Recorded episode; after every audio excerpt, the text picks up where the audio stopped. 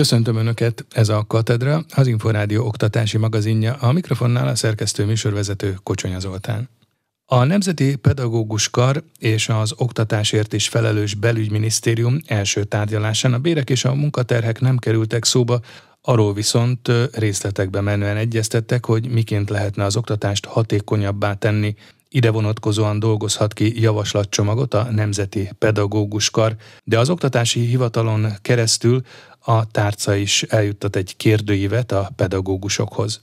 A belügyminisztérium közleményben tájékoztatott arról, hogy valamennyi pedagógusnak, nevelő, oktató, munkát közvetlenül segítő dolgozónak, illetve vezetőnek lehetősége lesz 2022. júniusában kitölteni azt az elektronikus kérdőívet, melynek kérdései a köznevelési rendszer működésének továbbfejlesztési lehetőségeit célozzák. Az anonim felmérés intézmény típusonként eltérő időszakokban történik.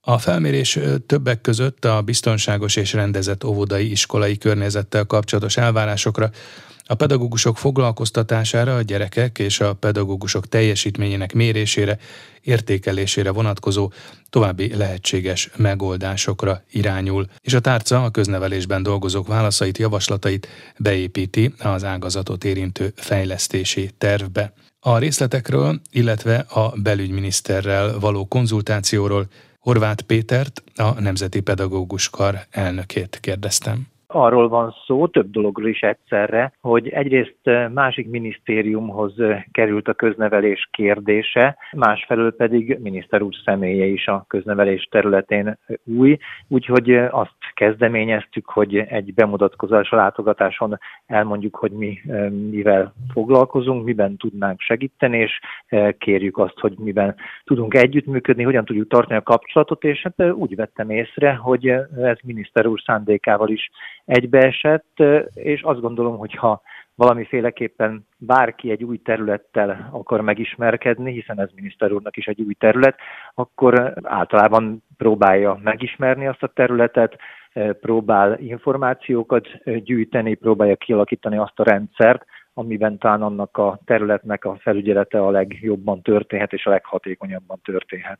De gondolom azért a tényleges úgymond hát szakmai egyeztetés azért a köznevelésért felelős államtitkár hatásköre lesz továbbra is. Ugye ő Maruzsa Zoltán maradt, aki korábban is az Emberi Erőforrások Minisztériumában is ezt a területet vitte. Így van, ez egészen biztosan mondható. Egyrészt Maruzsa Zoltán már az Emberi Erőforrások Minisztériumánál is, mint köznevelési államtitkár kapcsolatban általános pedagógus karral többször beszéltünk, tárgyaltunk dolgokról, ilyen értelemben van azért egy folytonosság ebben a munkában. Pedagógus bérek, pedagógus hiány, munkaterhek csökkenése, az ezzel kapcsolatos kérdések vagy hírek hát szinte végigkísérték a most záruló 2021-22-es tanévet.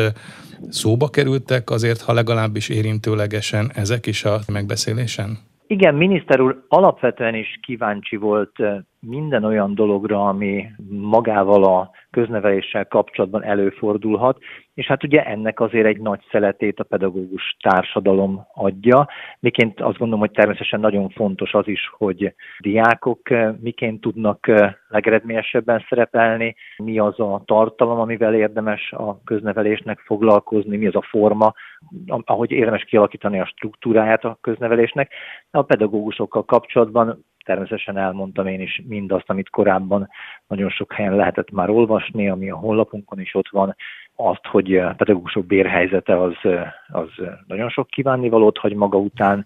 Mi azt gondoljuk, hogy az az óraszám terhelés, ami különösen itt a covidos időszakban a hiányzók miatt felfutott a maximális óraszámig, az mint óraterhelés nagy, és mellette nem biztos, hogy mindazon dolgokat meg tudjuk valósítani, amelyek az egyrészt az eredményes tanításhoz, másrészt pedig a, a közösségformálás, az élményszerzéshez gyerekek érdekében szükséges lenne. Miniszter úr azt mondta, miként ezt korábban is így nyilatkozta, hogy megindultak a tárgyalások a szakszertekkel, ismételten az új kormány kialakítása után június végén eh, államtitkár úr újra leül tárgyalni, és hát eh, nyilván én is csak remélni tudom, hogy eh, ennek eredménye is lesz.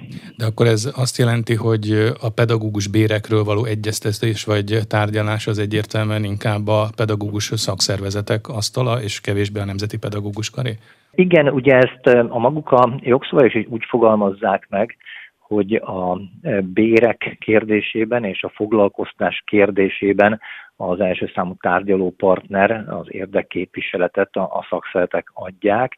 Mi, mikor bérekről beszéltünk, akkor nagyon sokszor korábban is inkább onnan közelítettük meg, mint szakmai testület, hogy a, a, a bérek olyan fajta problémát okoznak az oktatáson belül, hogy pedagógus hiány alakulhat ki, pedagógusok nem feltétlenül azokra a dolgokra tudnak koncentrálni teljes erőbedobással, amelyek szükségesek lennének a hatékony munkavégzéshez, tehát mi inkább erről az oldalról próbáltuk az érveket mondani a béremelés miatt. A találkozó után időközben a belügyminisztérium kiadott egy közleményt, és ebből arról lehet olvasni, hogy még júniusban az Oktatási Hivatal közé tesz egy elektronikus kérdőívet, vagy egy felületet a pedagógusok irányába, és a kérdések elsősorban arra vonatkoznak majd, hogy miként képzelik el a köznevelési rendszer továbbfejlesztésének a lehetőségét.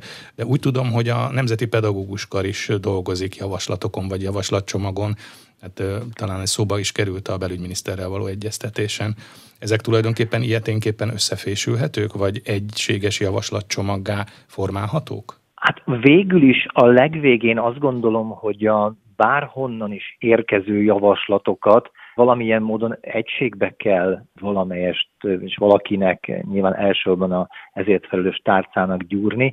Konkrétan ez a kérdőív, amit én is hallottam, hogy meg fogunk kapni majd a napokban, és minden pedagógus valóban kitöltheti. Ennek a tartalmáról én nem tudok, nem, nem láttam még ezt a kérdőívet, tehát konkrétan ebben a kérdőívnek a kérdések megfogalmazásában a Nemzeti Pedagógus Kar nem vett részt.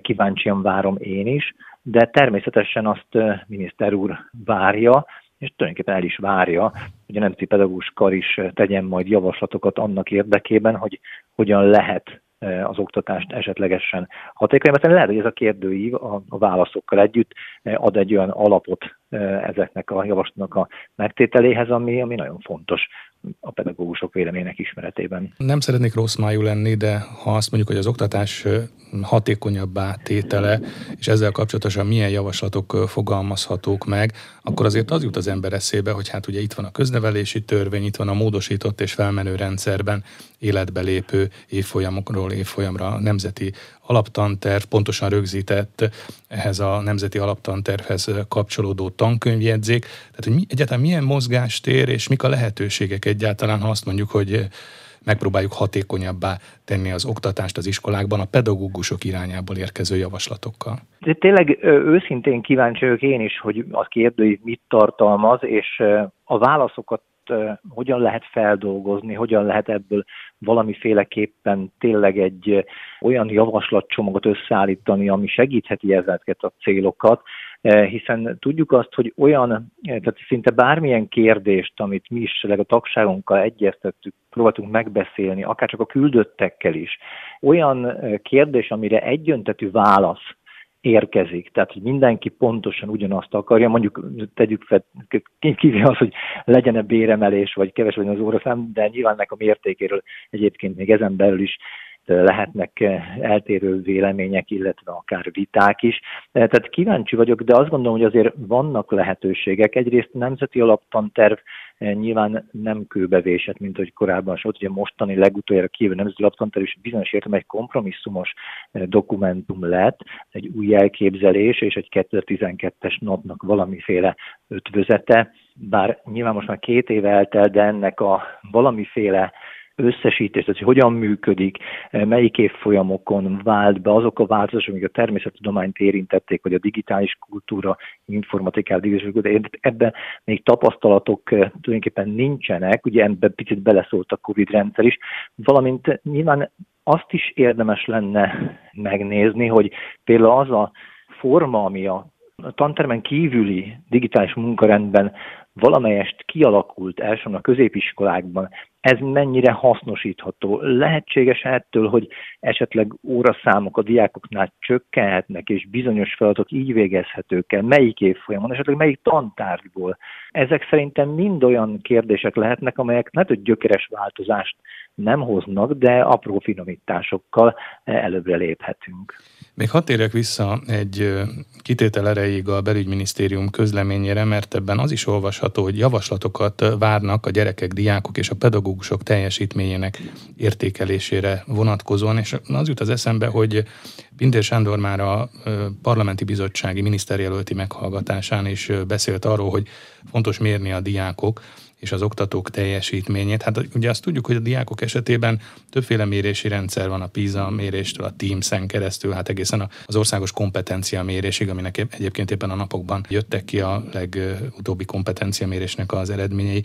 A pedagógusok esetében ez a teljesítménymérés, vagy az erre vonatkozó javaslatok mit lehet, mik lehetnek? Ugye van egy minősítési rendszer egyébként is, ami a pedagógus életpálya modellel már jó tíz évvel ezelőtt elindul, de emellett milyen mérési vagy teljesítményi mutatók lehetnek a pedagógusok körében? Azt gondolom, hogy hosszú idő óta mindenki próbálja megkeresni azt a rendszert, amely bizonyos értelemben adatokra, tényekre támaszkodva valamelyest objektívebben tudnám érni egy adott rendszernek, esetleg egy adott pedagógusnak, egy adott osztálynak, az adott diáknak a munkáját, a teljesítményét.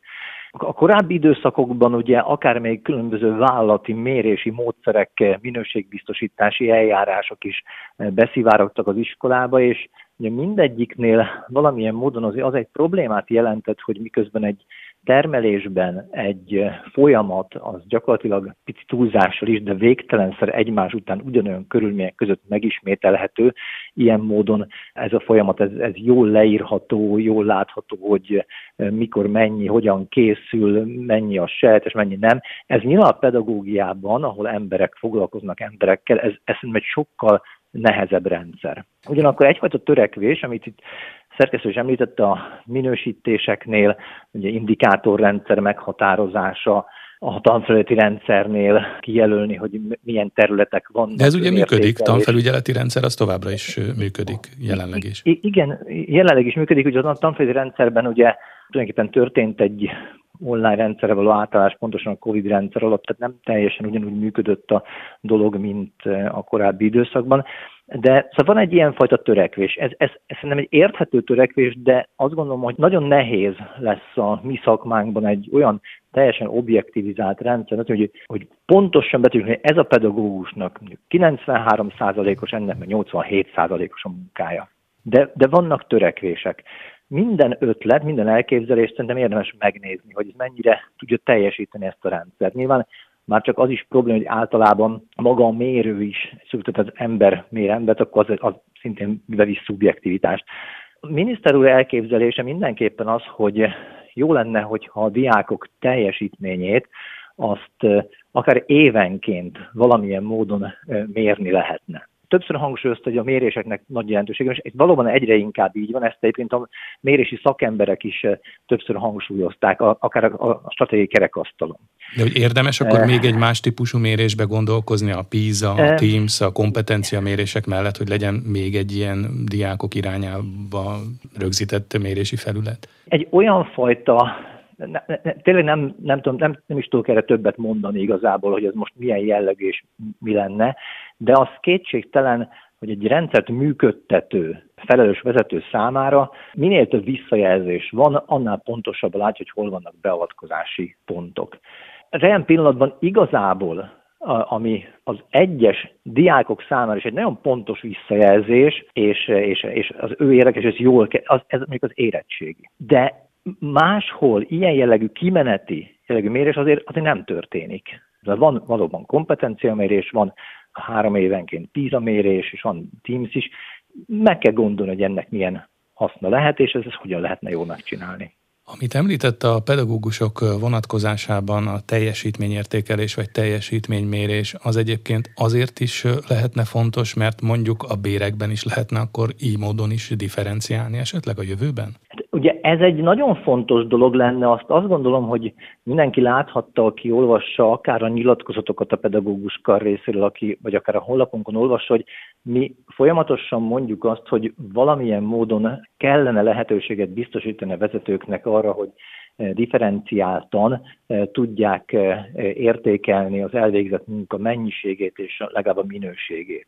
A mostani rendszer az azért is egy picit sántít, mondjuk akár a tanfelügyet, mert minősítéssel ugye beléphetünk egyik fokozatból a másikba. A tanfelügyeletnek gyakorlatilag ilyen típusú következményei nincsenek. Tehát megvan a tanfelügyelet, de ha kiderül, hogy valaki nagyon jól csinálja a dolgát, vagy éppen nem, annak igazából komoly következménye tulajdonképpen nincsen. Nyilván az lenne a jó, hogy miként nagyon sok országban van ilyen, vagy akár a szakképzésben is már kezd ez megjelenni, hogy ezeknek a minősítéseknek igenis komolyabb tétje lenne, és ez alapján az internetőnek lenne lehetősége valóban a pedagógusok bérében megjeleníteni ezt, ha csak időlegesen is, akár egy-két vagy három évre. Katedra. Merre tart a hazai oktatás? Milyen lesz a holnap iskolája? Az ipari együttműködés a környezet fenntarthatósága területén folytat együttműködést a jövőben a Technológiai és Ipari Minisztérium és a Pécsi Tudományegyetem. A minisztérium és a Felsőoktatási Intézményt fenntartó alapítvány erről a napokban írt alá megalapodást. A részletekről Sipos Ildikó kérdezte Búdis Józsefet, az alapítvány kuratóriumi elnökét mint minden együttműködési megállapodásnak, ennek is az a célja, hogy valamit koordináltan és a fölkarolt problémakört erőrevívő módon csináljunk. Ugye ennek azért vannak alapjai. Egyrészt miniszter úr két ciklussal ezelőtt államtitkár volt, és akkor alakult ki egy személyes kapcsolat. Aztán azt követően ő miniszter lett, és én meg államtitkár lettem. Ez, ez az egész elmélyült, és aztán még az is bekövetkezett, következett, hogy egy olyan reformot hajtottunk közösen végre a felsőoktatásban, amelyiknek pont ez volt a lényege, hogy egy, egy új rendszerű, progresszív, eredményeket felmutató felsőoktatás jöjjön létre. Ebben a Pécsi Egyetem is részt vett, és most, amikor nekünk azon túlmenően, mint kurat, Pécsi Egyetem kuratóriumáról beszélek, azon túlmenően, hogy az egyetem jól működjön, és ennek minden feltétele adott, nekünk olyan feladatunk is van, hogy az egyetem köré egy olyan ökoszisztémát építsünk, ami az egyetemi tudás és az ipar vállalatok együttes tevékenységén tud alapulni, és ez jelen pillanatban, ugye az új szisztémában a Technológiai és Ipari Minisztériumhoz tartozó dolog, úgy gondoltuk, hogy ezeket a programokat összegyűjtjük, és egy megállapodás keretében rögzítjük, hogy ezeken kiemelt témákon együttesen akarunk dolgozni. Mik a kiemelt témák? Az egyetemünk egyik kiemelt témaköre az úgynevezett fenntarthatóság ez nem csak zöld energia, egyáltalán energiáról szól, hanem sok minden másról is. Viszont ehhez az új technológiák, egyébként a megújuló energiák elengedhetetlen szükségesek, és mindez jelen pillanatban az újonnan létrejött minisztériumhoz tartozik. De természetesen más ügyekben is, ami ipari jellegű és fejlesztési jellegű, szintén együttműködni akarunk, hiszen régi vágya volt a Pécs Egyetemnek, hogy itt teremtsük meg például a gyógyszergyártást, meg olyan biotechnológiai irányokat, amelyeknek az elméleti alapjai megteremtődtek az elmúlt két évtizedben, viszont vigyük el a gazdaság és az ipar irány irányába. Az együttműködésből a diákok is profitálhatnak majd? Természetesen. Ugye a diákok azért jönnek az egyetemre, hogy egyfajta képzettséget szerezzenek, és a legjobbjaik egyrészt már a képzésük során bekapcsolódhatnak, akár a duális képzés révén az ilyen típusú tevékenységekbe, másrészt az úgynevezett tudományos diákköri tevékenység révén, és a végzéshez közeledve megnyitottuk annak a lehetőségét is, hogy a doktori képzésbe is be tudjanak lépni, tehát már nem kell oklevél, diploma ahhoz, hogy doktori képzésbe részt vegyenek, hanem a képzés utolsó éveiben már a doktori képzést is fölvehetik. Tehát azt gondolom, hogy ezek a szerves kapcsolódási pontok mindahhoz, hogy ők is jelen legyenek ebben a közös programban. Katedra. A Tudás magazinja oktatásról, képzésről, nevelésről.